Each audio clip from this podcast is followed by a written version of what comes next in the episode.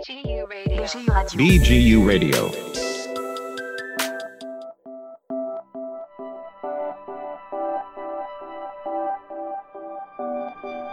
This podcast is a production of Ben Gurion University's Global Health Summer Course, hosted by Professor Nadav Davidovich and Dr. Anat Rosenthal. BGU Global Health, where health goes global.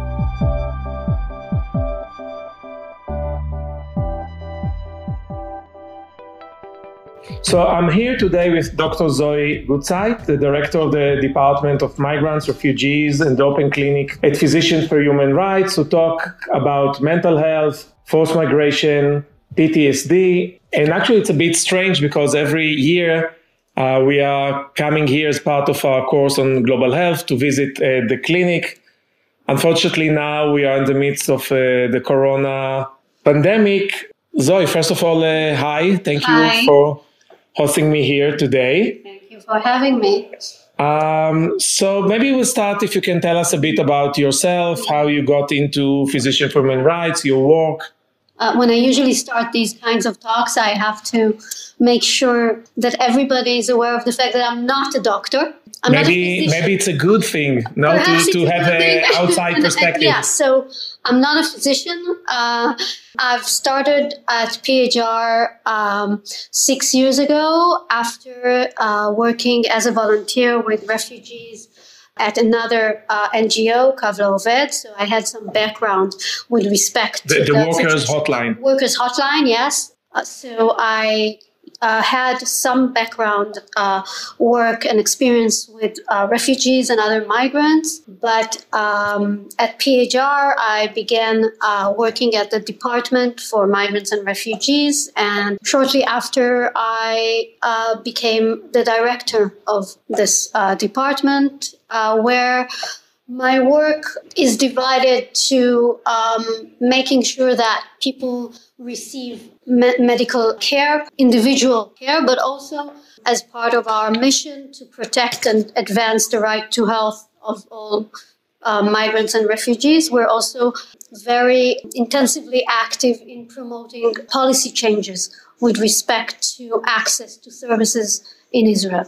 So my work is very interesting in with respect to its um, it's very um, Varied or, or it's very varied. Yeah, it's it, it varies. My my work is very interesting because uh, no day looks like uh, the previous one. No no not no day is the same. now the, the Open Clinic was, uh, I think, uh, I think it was established in '98. It's tw- it's already it's been yeah it's twenty almost twenty two years now that we've been uh, providing individual services uh, for the statusless communities for migrants for migrant workers refugees Palestinians and other transplaced uh, individuals who are living in Israel. Yes, uh, it is amazing to see how we developed our services from a very uh, small idea uh, of uh, calling out, for, reaching out for doctors to come and volunteer here to give their times to those in need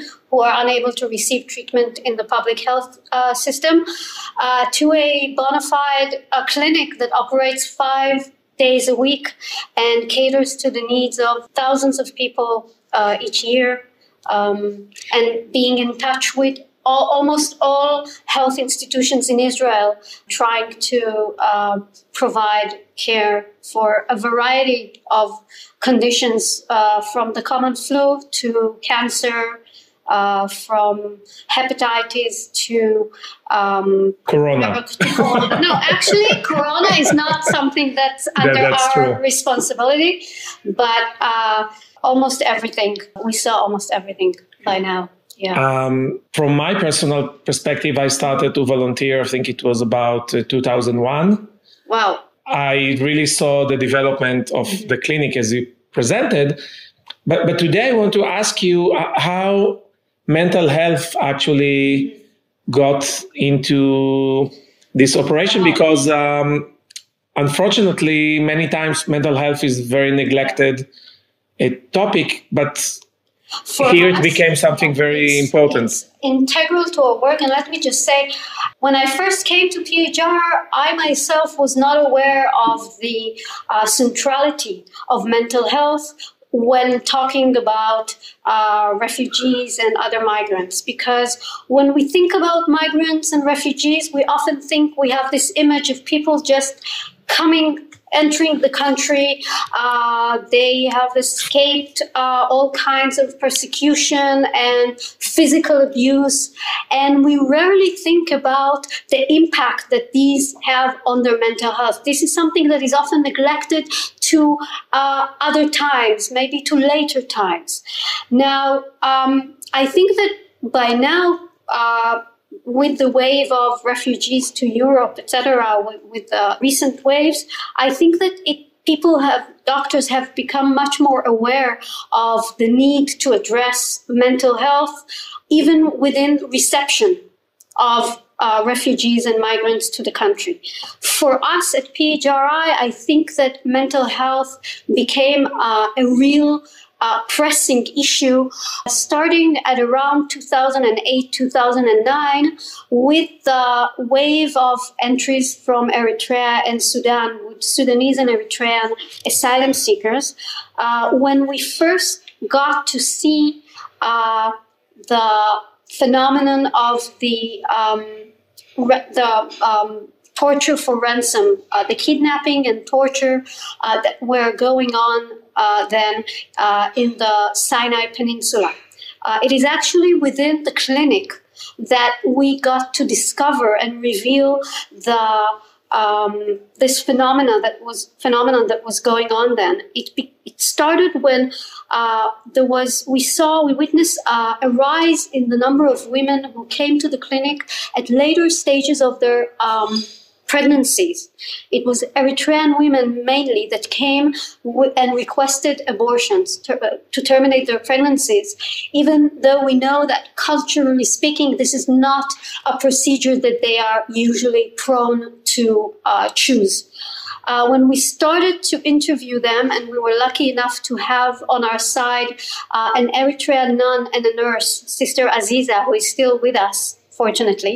When we started interviewing, she even them, won um, a medal of honor, yes, right? Yes, yes, and she surely deserves this. Um, so when we started, she started um, interviewing them. It is. It was then that they uh, began. Uh, telling her this story about how they were kidnapped and thrown into these um, uh, places, these underground uh, uh, places in the Sinai Peninsula where they were uh, abused and beaten and tortured, and while at the same time they were calling their uh, families and uh, requesting for demanding for money for ransom money. So what you're so, saying here, and this is very interesting, that that actually this whole issue of mental health emerged. It emerged of, as, from yes. your work. We do know. Look, uh, let me just say, of course, that we had encountered the need to provide mental health services even before we discovered this phenomenon. Uh, I think that, uh, and you're a much more expert on this than I am, but uh, there's a lot of research about uh, mental health, about migration and especially forced migration uh, being a risk factor to develop uh, mental health problems. This is something that is well documented so far as I, I, know. I know that there's a lot of research about this. So even without this uh, certain trauma at the Sinai, we did provide some services uh, uh, with regards to mental health. However, this phenomenon of the Sinai torture, the fact that it impacted thousands of people, and they were all coming uh, to Tel Aviv and to our clinic, forced us to reassess our position with regards to these services. First of all, we realized that uh, while the physical um, damages uh, would soon be over. We would be able to provide some relief for the physical wounds. The mental wounds would not uh, so soon. Right, evaporate. because usually when we're thinking about uh, migrants, we're thinking about injuries, injuries, uh, uh, maybe gun wounds, gun shootings, etc. This is something that we used to see uh, with the entries, with the, the, the entry of Eritrean and Sudanese uh, asylum seekers. We no longer see this because there are no new entries since around 2016 or 14 or 15. They stopped completely. What we do see at larger numbers right now is a rise in the number of people who express symptoms uh, of PTSD, uh, depression, and anxiety, and sometimes even develop psychotic uh, events. We do see uh, a rise in the number, number of psychosis among this community. Um, in line, as I said, with research uh, uh, regarding forced migration and mental health. so as I said, this has forced us to reassess our approach to this topic of uh, mental health, both within the clinic, within the, the uh, services that we are providing. Uh, we had to, of course, uh, reinforce the services that we provide, but it also made us realize that the scale on which we're working right now, the fact that thousands of people have been traumatized so greatly uh, requires uh, us to approach uh, the state of Israel and demand that it takes responsibility for this population of Sinai victims, torture victims, and provides rehabilitation services and mental health services.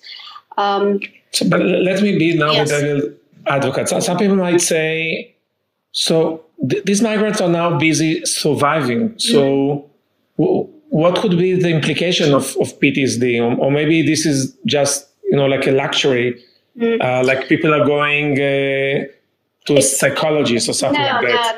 No, We're talking about basic survival.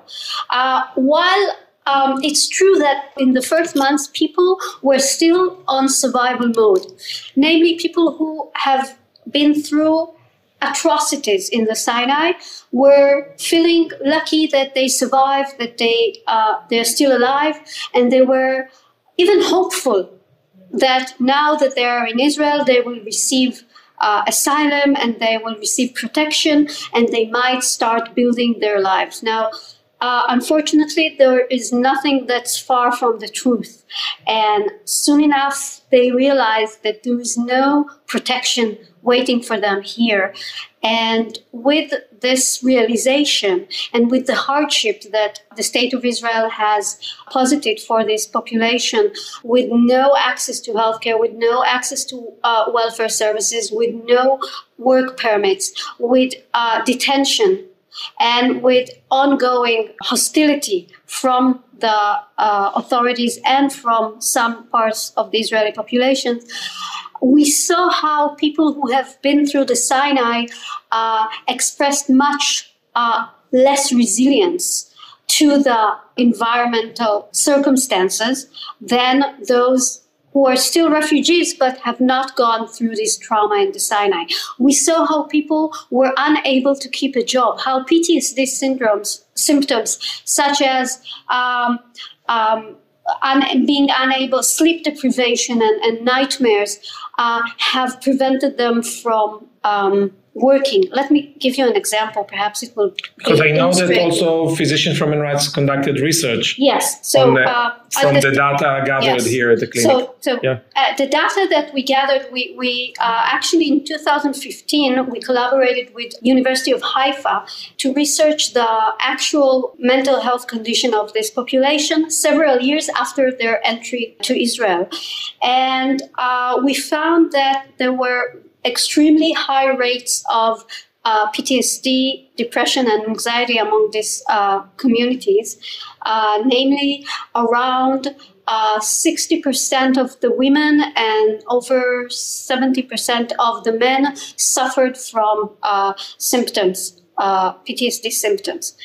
Now, the gender the, the gender component here is interesting because yeah. you started with women and rape. Yes Can you tell us a bit about men and how they experience well, uh, trauma? I think I think that for men, uh, men too, so far as we know, did experience uh, sexual abuse and, and uh, Hmm. rape, and this is a much less spoken of phenomenon, uh, which makes it even more difficult to cope with. Uh, I remember cases where patients came to me, closed the door, sat next to me, and told me that they underwent rape and that they were unable to, to tell this even to their closest friends because of the stigma that is attached to it. I remember having spoken to a female uh, Eritrean who was a cultural mediator with the community, and she told me, you know, raping women is something that we're all uh, used to, but to rape men, this is something we've never heard of. So this was uh, actually quite shocking to hear, but it also, I think, illustrates the uh, the way in which this phenomenon is conceived within the community and why it was so difficult for this man to come out, out and speak about it. So it's and it also relates to what I wanted to give you an example about uh, something that I remember from my first year at PHR, we worked a lot about this um, this reach, research about the mental condition of uh, Sinai victims. But sometimes I think that in-person connection uh, can be very uh, powerful to Instead of statistics, no just have statistics just personal yeah, to have a experience. personal uh, experience can uh, sometimes uh, illustrate the how, what's going on in this community. And i remember a man he was in his uh, late 20s uh, and he came to our clinic uh, after not having slept for several days uh, he had flashbacks event at our clinic and i sat with him and he uh, told me how he was relying on his friends. He was unable to work because of his mental condition and he was living with his friends but he would keep on being awake at night so uh, he didn't let him let the, his friends sleep so they tried to kick him out eventually from the house. Were, it was unbearable to live with him. So he was on the brink of uh, living on the street he showed me how he would carry a little folder with all the names of the people. This was in 2015, by the way, several years after his entry to Israel and after the events in the Sinai, he would still keep uh, a little list of all the people he owes money to, those people he, who, who paid his ransom uh, and uh, released him from the Sinai. He was uh, memorizing their names and telling me that he need, he owes them the money, and this kept him awake at night. Along with all the other memories of what was going on there in the Sinai. And it was so powerful, this um, ongoing relation that we had, because I saw on the one hand how the mental issue here is uh, integral to the very function and daily functioning of pe- these people and their ability to uh, get on with their lives despite the various numerous hardships that they experience here. But also, this person was lucky enough to receive mental health uh, treatment uh, through the Gesher Clinic that has just So this was my next question, actually. Yeah. If you can Yeah. tell us a bit about what are the services Yeah. available actually Yeah. now in, in Israel? If you can map uh, the Yeah. options. When it comes to mental health, Yeah, mental health, Yes. yes. So it's going to be a very short answer, unfortunately. So beginning in 2014, following our uh, intensive advocacy, uh, the Ministry of Health uh, decided to allocate a very small uh, but important uh, budget uh, for establishing a small unit for mental health services to these Eritrean and Sudanese victims of torture at the Sinai. Uh, for the next five years, from 2014 to 2019, uh, this uh, small unit uh, was the sole uh, place in Israel where asylum seekers could receive mental health services for free.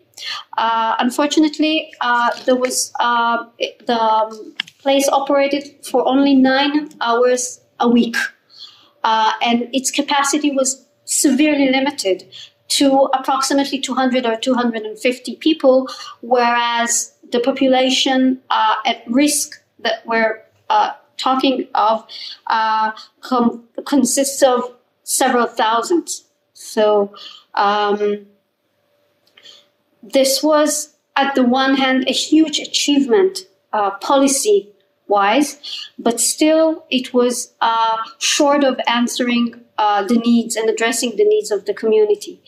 Uh, this clinic or unit uh, did its best and did wonders. For instance, for that person, they really uh, helped him out. He he was eventually back to work and began to uh, build his life from scratch, basically. But for num- many other people, they were unable to provide these services because of lack of staffing and, and budget. And right now, by the way, they uh, two years ago they promised they declared that they would expand these services uh, both geographically and in terms of the budget uh, but until now they have yet to uh, do so and right now uh, the clinic just transferred to another location and is being uh, operated by another service provider, but the services remain unfortunately the same. So, mental health many times is being pushed aside, not just for migrants, I mean, also for yes. Uh, other population being perceived as, as luxury, luxury, as less important. It's nice to have and nice not to as have. necessary. So, do you think this is also part of the problem? Well, I I do see a connection here. Uh, the neglect is not merely for refugees and asylum seekers, it's throughout Israel there is a neglect. We know that the recent reform in 2015 that has been implemented uh, has a lot of uh, shortcomings, and some of these shortcomings are also translated to the current infrastructure of the clinic for the refugees. They have actually copied the same mechanisms, the same system uh, for refugees and migrants. Um, meaning that uh, services are very limited in time. They offer like a six time uh, service for treatment uh, and um, things. Uh, I think that, again, uh, mental health is being neglected as something that is not part of the well being of migrants. I think the most uh, indicative uh, um, example uh, is the fact that uh, the um, policies for migrant workers in Israel uh, explicitly exclude mental health services. It is as if migrants who come to Israel do not have psychology. Now you're talking about legal about legal workers. migrants, even legal migrants who whose um, whose employers are obligated by law to uh, arrange for health insurance, the policies that uh, are being given to them uh, the, the, the scope of services is determined by the Ministry of Health. And the Ministry of Health, in its directive, uh, specifically and explicitly excludes mental health services as if mental health is not part of their health. Wow. So I think this serves to show how much marginal, uh, yeah, how marginal it is, and how much uh, work we still have to to do in order to include this as a basic service. And when it comes to migrants, caregivers who work with the elderly, or asylum seekers who've been through hell upon coming to Israel. These are basic needs. Um, and, and to be honest, if you, uh, you would ask me, what is the most prevalent um, health condition that we see in the clinic, I would say uh, for sure it's mental health issues. Wow. So this is really fascinating. I mean, depressing, maybe. Very depressing. Uh, but and for maybe- this, we need mental health. Yes. So maybe we'll go to my final question for today because it's part of a course on uh, global health. May- Maybe you can give us some of your thoughts about, about the, the, the global situation or maybe how we can speak maybe to the global health community, how to bring mental health issues to become something more uh, important. Because as you said, COVID 19. Um, I think that, again, I think that it is once we realize that migration, and especially forced migration, uh, is in itself a health risk factor or even a determinant of health. The fact that one has been forced to leave their country of origin and escape, and the fact that one is now living uh, in a state of constant changes and, and instability. These in itself are issues that have a huge impact on their uh, mental health. And with the global crisis of uh, uh, refugees and migrants, I think that uh, we cannot but address this issue on a global uh, scale.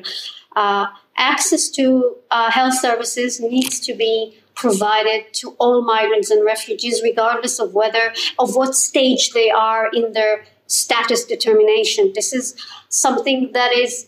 Uh, I, I, would say it's also it's almost uh, um, emergency service. It should be regarded as uh, an emergency service, uh, and within uh, these services, attending to the mental health needs is not um, less of importance uh, than attending to the physical needs. I mean, there is no real uh, divide between the two. Um, I think that um, oftentimes, and this is something that I have yet to uh, um, note, but I think it's of huge importance for doctors. Uh, many cases, many times we see uh, patients in our clinic complaining about all sorts of physical aches and pains and conditions. We send them to all sorts of tests and uh, exams, and these come out negative. There is no physical basis for their pains, but the pains are real. And oftentimes we realize that this is the case of somatization. We have many patients that express uh, their uh, mental pains through physical pains. So even if we are still more attuned, if the medical community is still more attuned to the physical pain and less to the mental pain, uh, they should, the doctors should uh, bear in mind the strong connections when, especially when it comes to migrants and refugees between the two, and the need to uh, realize the need to attend to the this connection when trying to cater to the medical needs of their patients. Zoe, thank you so much. You. This was really, really interesting, important, and thank you for your hard work. Thank you. What you're doing yours. here at Physician Human Rights.